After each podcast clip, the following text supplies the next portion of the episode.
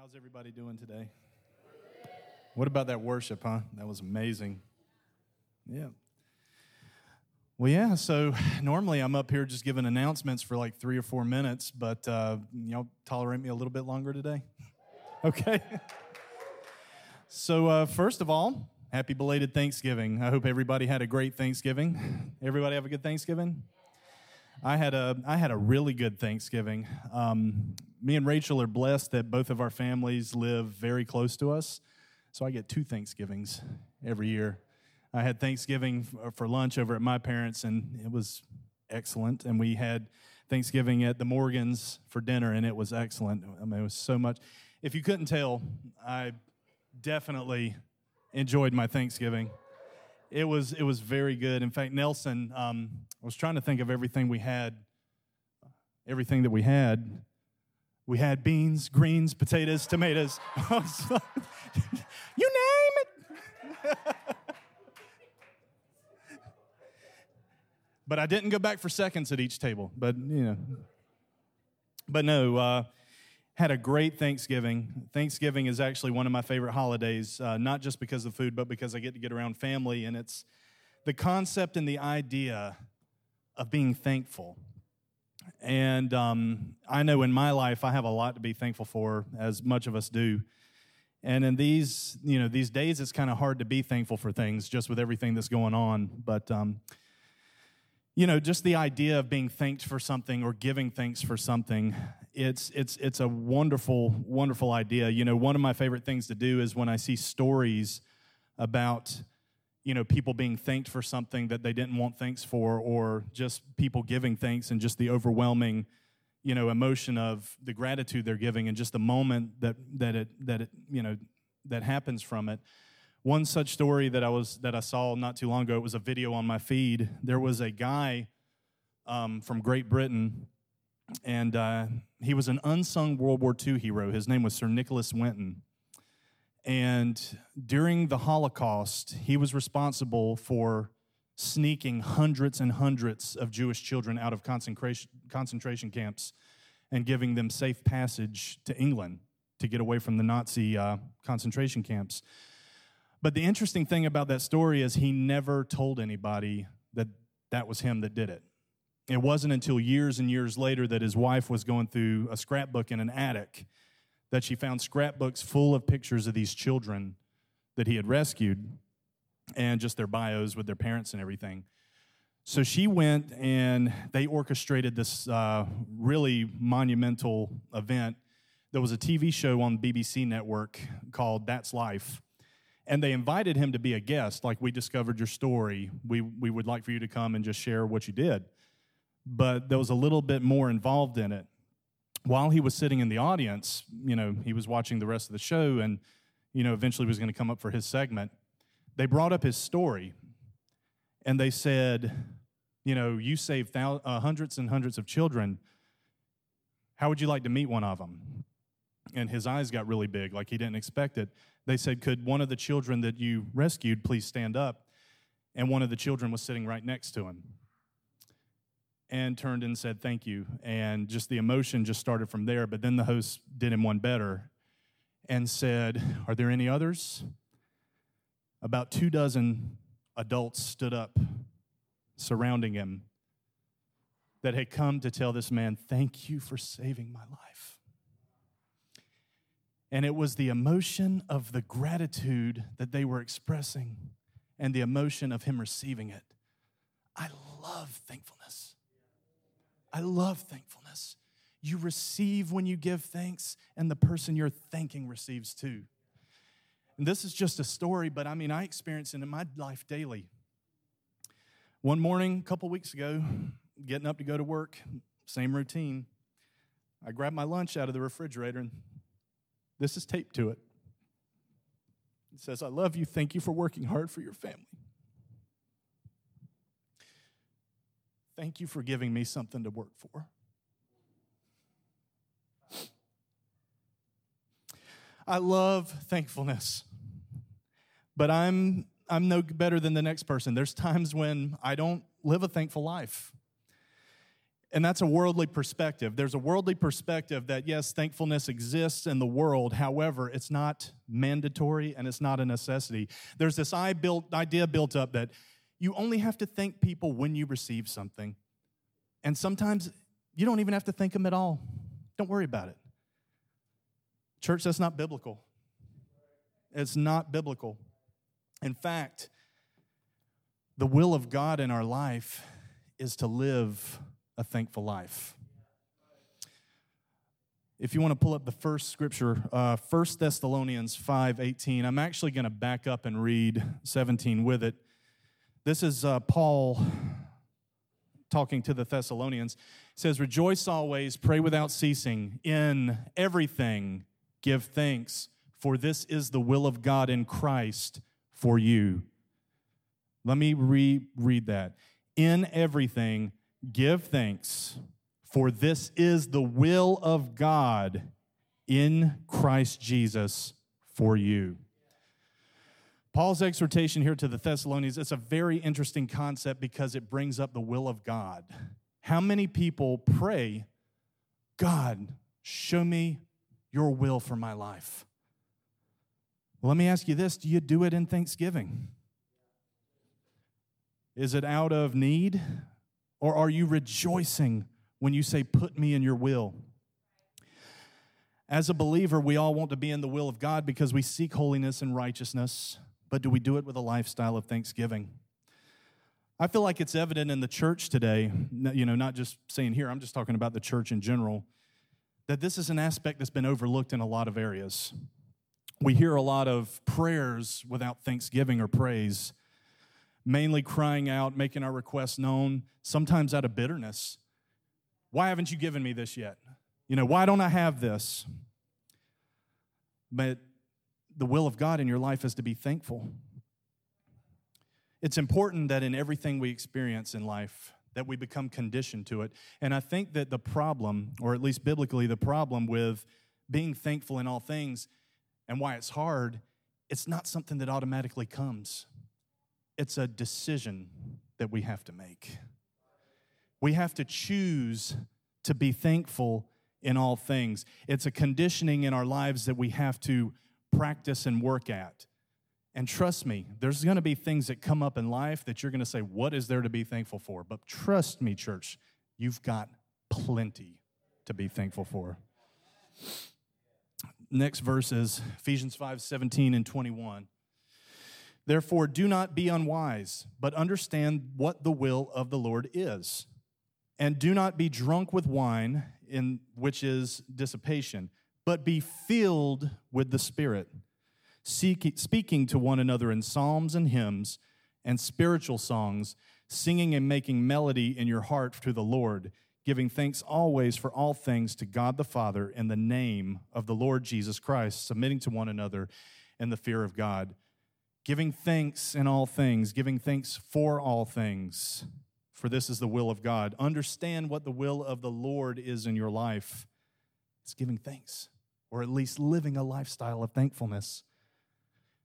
Now, 2020. From a natural perspective, you're probably looking at me and saying, You got to be crazy.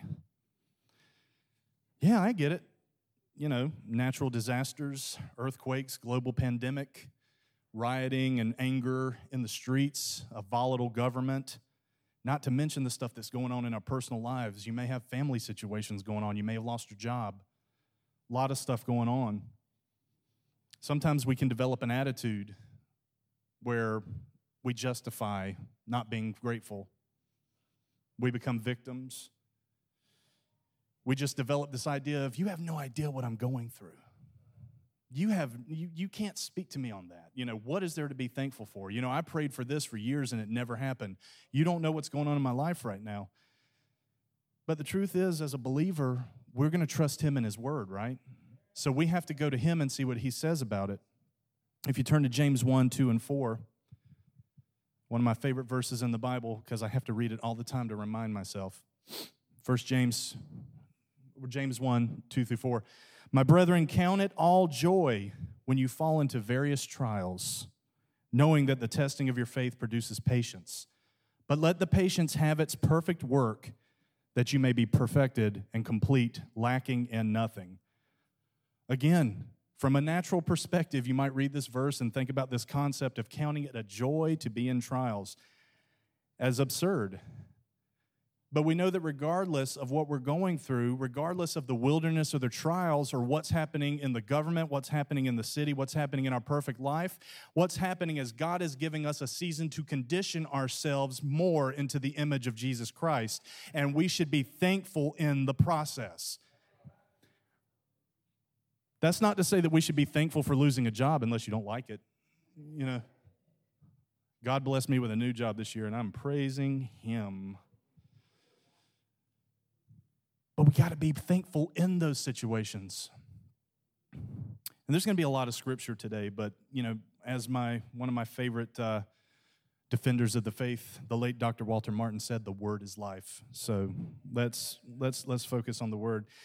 But yeah, we have to be we have to learn to condition ourselves even in the wilderness and in the trials to be thankful in our situations because ultimately we have a lot to be thankful for, which we'll get into in a second.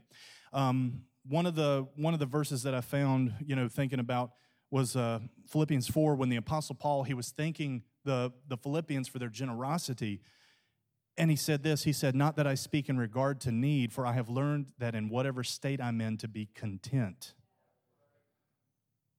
We need to condition ourselves to be content because we're thankful for what we have.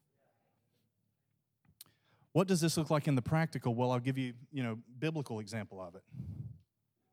So, a couple of stories here from the Bible. We all know the story of the Israelites, you know, crying out for years and years and years to deliver them out of Egypt. And you know what? God heard their prayers and sent Moses. And he sent all these miraculous things, the plagues. They, you know, when when Pharaoh's heart was softened and they, you know, they left, you know, he parted the waters and they crossed on dry land and went through and and you know safely. And when they got to the other side, the you know, the Egyptian army were swallowed up by the waters so they wouldn't be pursued. Hallelujah.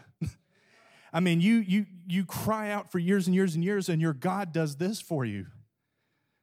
But a few weeks later, we're hungry. I wish I was back in Egypt. What have you done to us, Moses? But what does the Lord do? He sends manna, the food of the angels and so much in abundance that they don't have to collect it on the Sabbath. They can still recognize their, their holy day. And that lasts for a little while. And then they're sick of manna. Send us some quail, send us some meat. So God does it. But they get sick of that too. There's just this pattern of ungratefulness after they come out of a situation they have been stuck in for so long that we know what happens later that when they come to the edge of the promised land and the spies come back and report to them what they had seen there's this this this this overflowing feeling of just unfaithfulness of the promise. Well there's no way we can take that. There was only two. There was joshua and caleb that believed the report of the lord and they were the only ones that entered. I believe that if we don't condition our lives to live a lifestyle of thanksgiving it can brood unfaithfulness and take us out of the will of God. So let's go back and look at a different story. A man named Job. Job had it all. He had, you know, a livelihood, you know, he was prosperous. God saw him as a righteous man, but we know the story, he lost it all.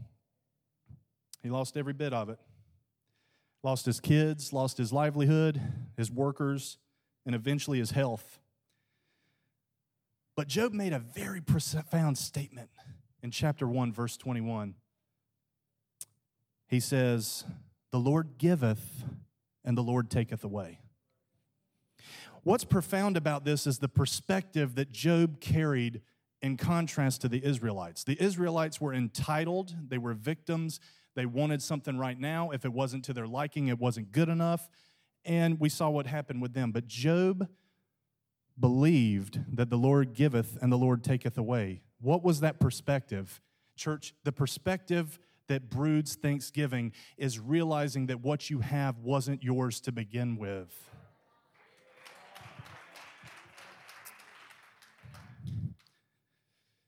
James 1 16 and 17 says, Do not be deceived, my beloved brethren, for every good gift and every perfect gift is from above and comes down from the Father of lights, with whom there is no variation of shadow of turning. Wow.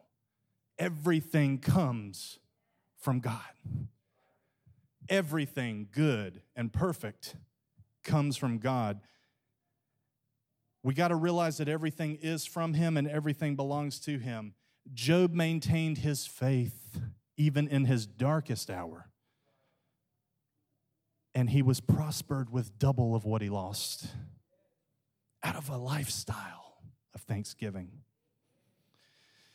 If you want to live a life of thanksgiving, you've got to understand that everything we have from the money in the bank to our kids, to our families, to our health, to the very breath we just took belongs to Him. And it's a gift to us from Him. Thank you, God.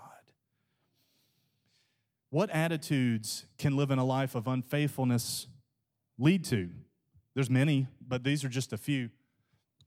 One of the things we talked about earlier with the Israelites was entitlement.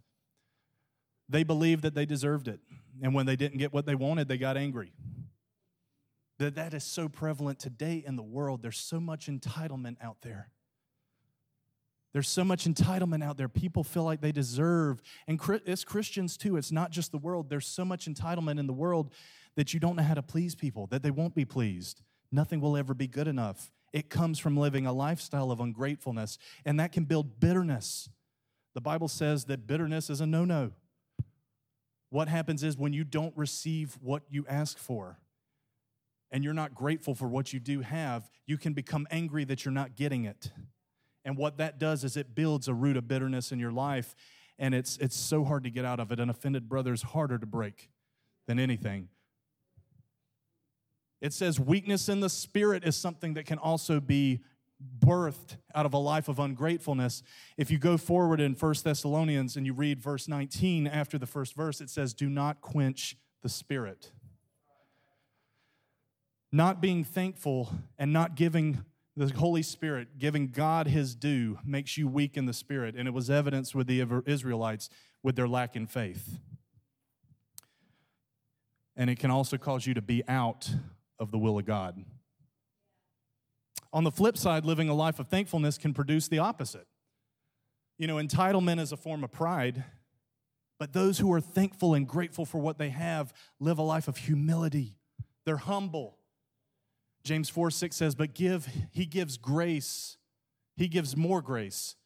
Therefore, he says, God resists the proud, but gives more grace to the humble. When you live a lifestyle of thankfulness, you are a humble individual and you will receive grace from God. It says that he also grants peace. This is a great verse. Philippians 4, 6, and 7. Be anxious for nothing, but in everything by prayer and supplication, with groaning and complaining no. Out of bitterness and entitlement? No. With thanksgiving, let your requests be made known to God, and the peace of God, which surpasses all understanding, will guard your hearts and minds through Christ Jesus. Living a thankful life and building up your faith will bring you peace. Hallelujah. It causes you to be in God's will. I think the verses we've read before clearly state that God's will includes you living a lifestyle of thankfulness and being thankful. But as a contrast to weakness and spirit, living a lifestyle of thankfulness gives you power in the kingdom. Keeping the right perspective and living a lifestyle of thanksgiving only increases your faith and builds you up in what you need to do and what God has called you to do. Let's talk about that. Next verse is Colossians 3:16.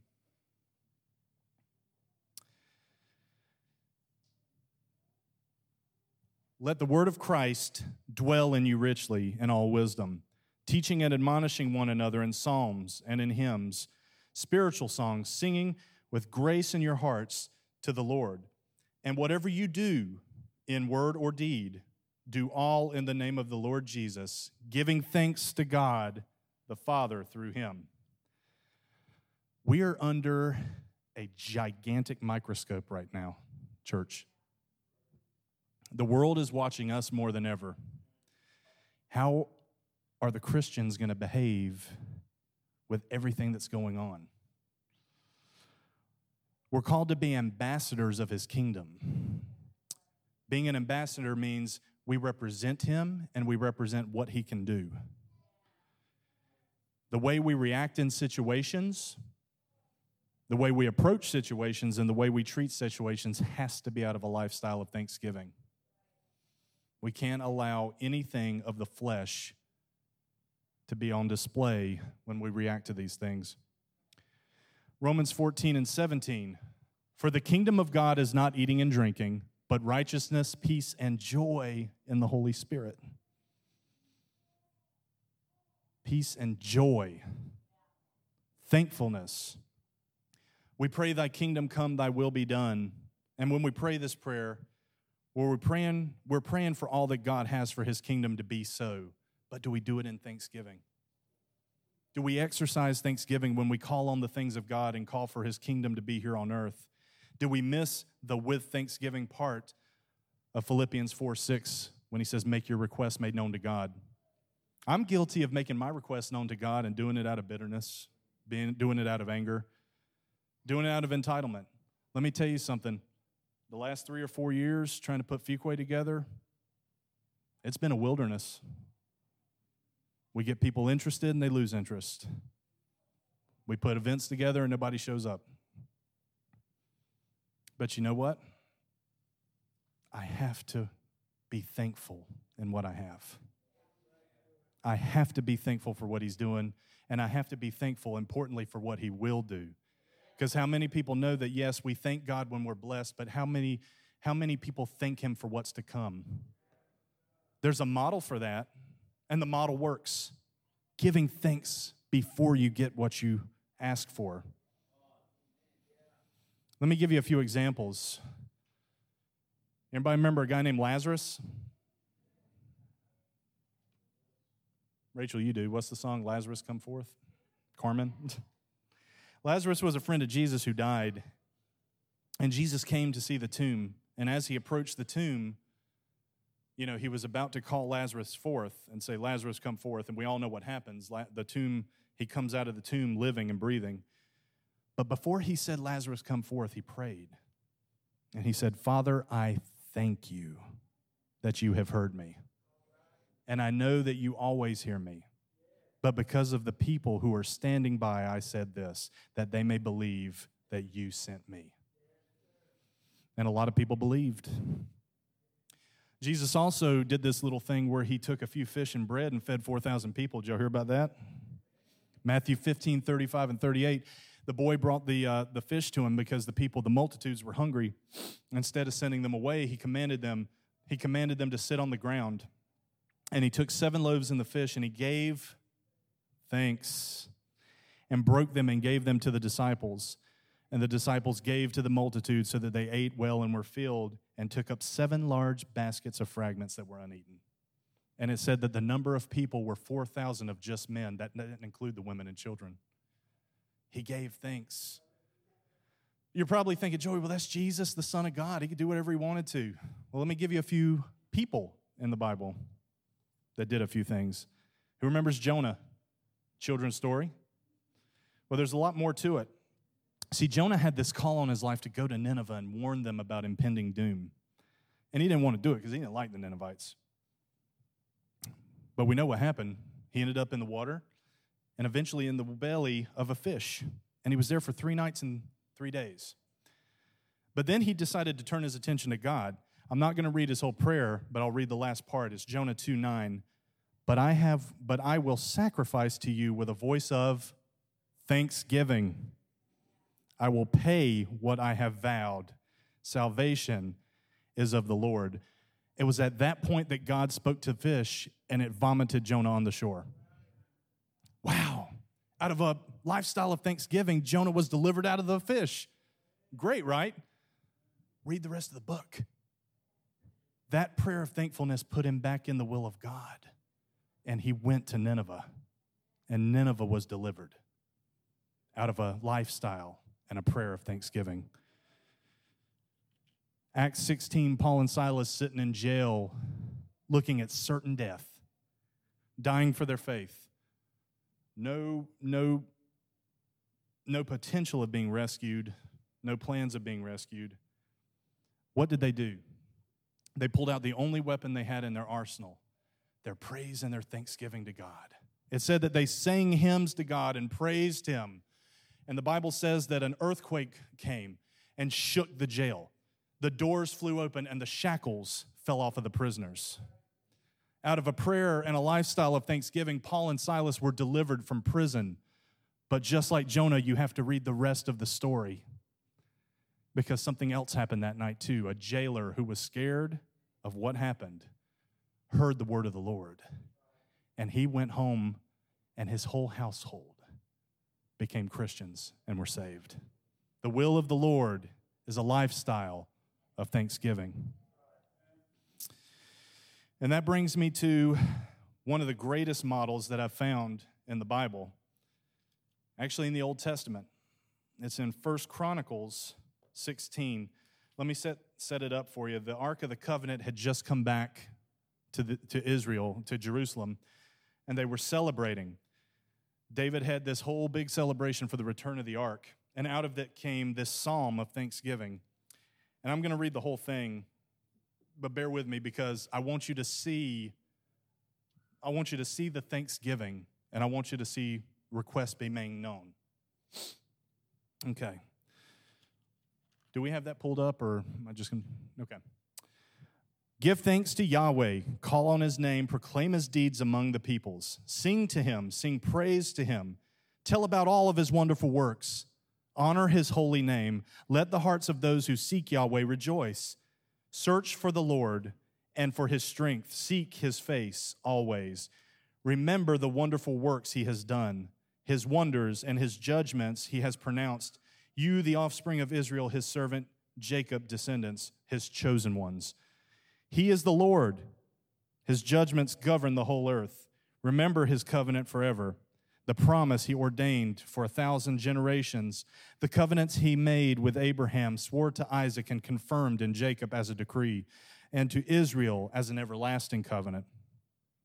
I will give the land of Canaan to you as you inherited as your inherited portion. When they were a few in number, very few indeed, and temporary residents in Canaan, wandering from nation to nation and from one kingdom to another, he allowed no one to oppose them. He rebuked kings on their behalf. Do not touch my anointed ones or harm my prophets. Sing to the Lord, all the earth. Proclaim his salvation from day to day. Declare his glory among the nations, his wonderful works among the people. For the Lord is great and highly to be praised. He is feared above all gods. For all the gods of the people are idols, but the Lord has made the heavens. Splendor and majesty are before him, strength and joy are in his place. Ascribe to the Lord families of the people. Ascribe to the Lord glory and strength. Ascribe to Yahweh the glory of his name. Bring an offering and come before him. Worship the Lord in the splendor of his holiness. Tremble before him, all the earth. The world is firmly established, it cannot be shaken. Let the earth, let the heavens be glad and the earth rejoice, and let them say among the nations, The Lord is king. Let the sea and everything in it resound. Let the fields and all that is in them exult. Then the trees of the forest will shout for joy before the Lord, for he is coming to judge the earth. Give thanks to the Lord, for he is good, and his faithful love endures forever. Now, watch this. And say, Save us, God, of our salvation. Gather us and rescue us from the nations, that we may give thanks to your holy name and rejoice your praise. May Yahweh, the God of Israel, be praised from everlasting to everlasting. And then all the people said, Amen. Praise the Lord you had stanzas and stanzas and stanzas of thank you, God, here's why. Thank you, God, here's why. Thank you, God, here's why. Thank you, God, here's why. Thank you, God, here's why. And then at the very end, they made their request known save us and grant us salvation. What you have there is a great model of what it looks like to give thanks to God. It's all about thanking Him and praising Him and then making your request known. The profound part of this whole story is what comes out of that celebration. If you fast forward to chapter 17, I'm just going to give you a quick paraphrase of it. David is coming in so excited from this celebration that the ark and the presence of the Lord is back in back at back where it belongs. He begins to look around. He says, "Wow, I live in this great palace and the Lord lives in a tent. I'm going to build a house for God." Nathan's like, "Right on, dude. Let's do it." But then the word of the Lord came to Nathan and he went back to David and this is what he said.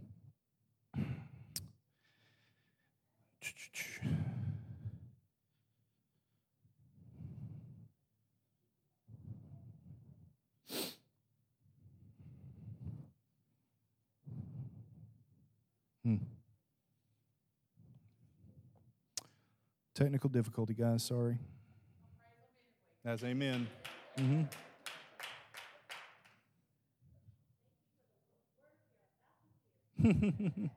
Thanks in advance, right? I declare to you that the Lord Himself will build a house for you.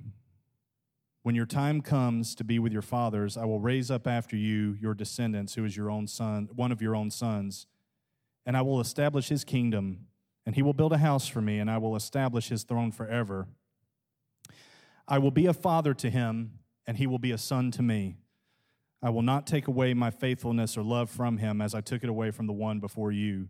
I will appoint him over my house and my kingdom forever, and his throne will be established forever. Now, we know Solomon came in the line of David after this, but what we're reading here is the Davidic covenant, the promise of the coming Messiah, the one who would save all people. I believe that it was out of a lifestyle of thanksgiving that God made this clear to David. It's essential. You're probably telling me, Joey, I hear it, I know it, that's what the word says, but I still don't feel like I have anything to be thankful for. I don't know how to get out of this rut. What is one thing I can cling to, if nothing else? Well, I think the last verse or the last chapter we just read sets things up perfectly for this. What is the foundation of your thankfulness as a Christian? If you profess Christ Jesus in this house, what is the one thing you have to cling to as a word to be thanked for?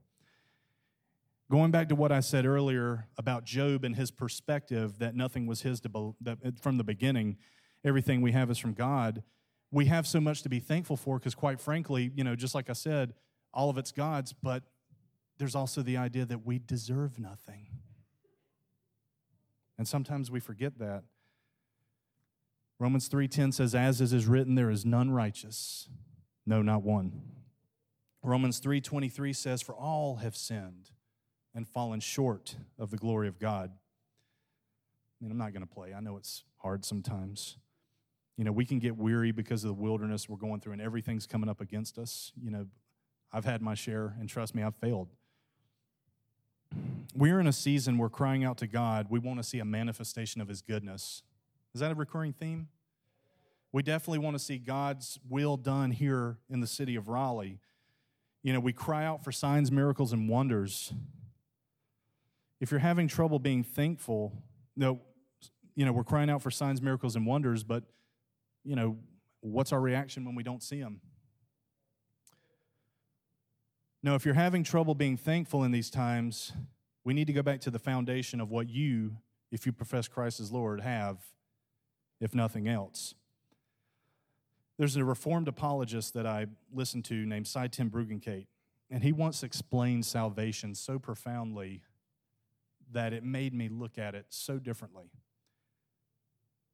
I'm only going to paraphrase what he said, but when he was speaking of salvation when closing out a sermon one time, he said, in the book of Genesis, it says that God was, and from the beginning of time, breathed everything into existence.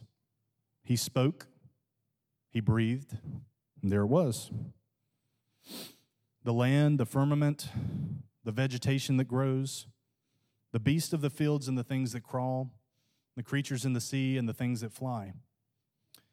He breathed it all into existence. And then he formed man from the dust, and he breathed the breath of life into our nostrils. It seems that all of these miraculous things that God did came from him merely breathing and speaking. Wow. I know our God's powerful, but do we really go back and look at that and say, wow, he is mighty if he can just speak and there it is? But you know, in my study of Scripture, you know, I've looked into all the things that he's done. And there's one thing he didn't breathe into existence, and that's our salvation. He didn't breathe our salvation into existence, he died for it. Did he have the power to speak into existence? He's up, yeah, he's almighty. But as a righteous judge, he knew what he had to do to stay within what he said, and he died for our salvation. Sye concluded his message by saying, The salvation of one soul is a greater miracle than the creation of the entire world. Still having trouble being thankful? Be thankful for a God who would die for you when he didn't have to. I'm going to wrap things up so we can get to the buffet. Are they open still?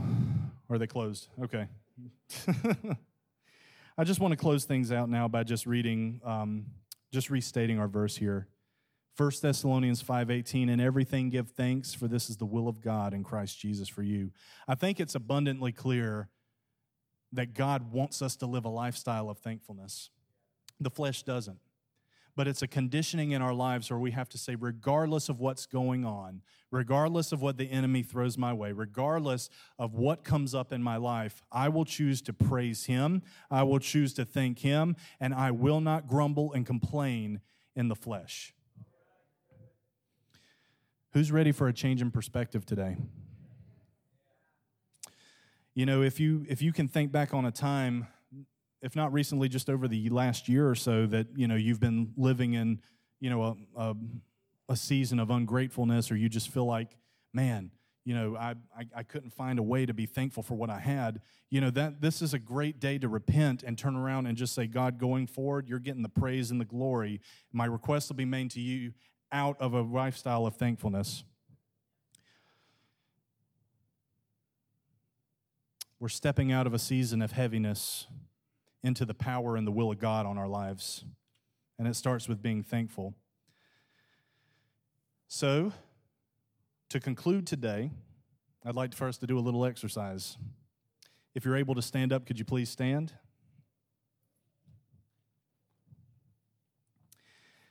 What I'm going to do is I'm going to read Psalm 100 aloud. This is a psalm of thanksgiving to God.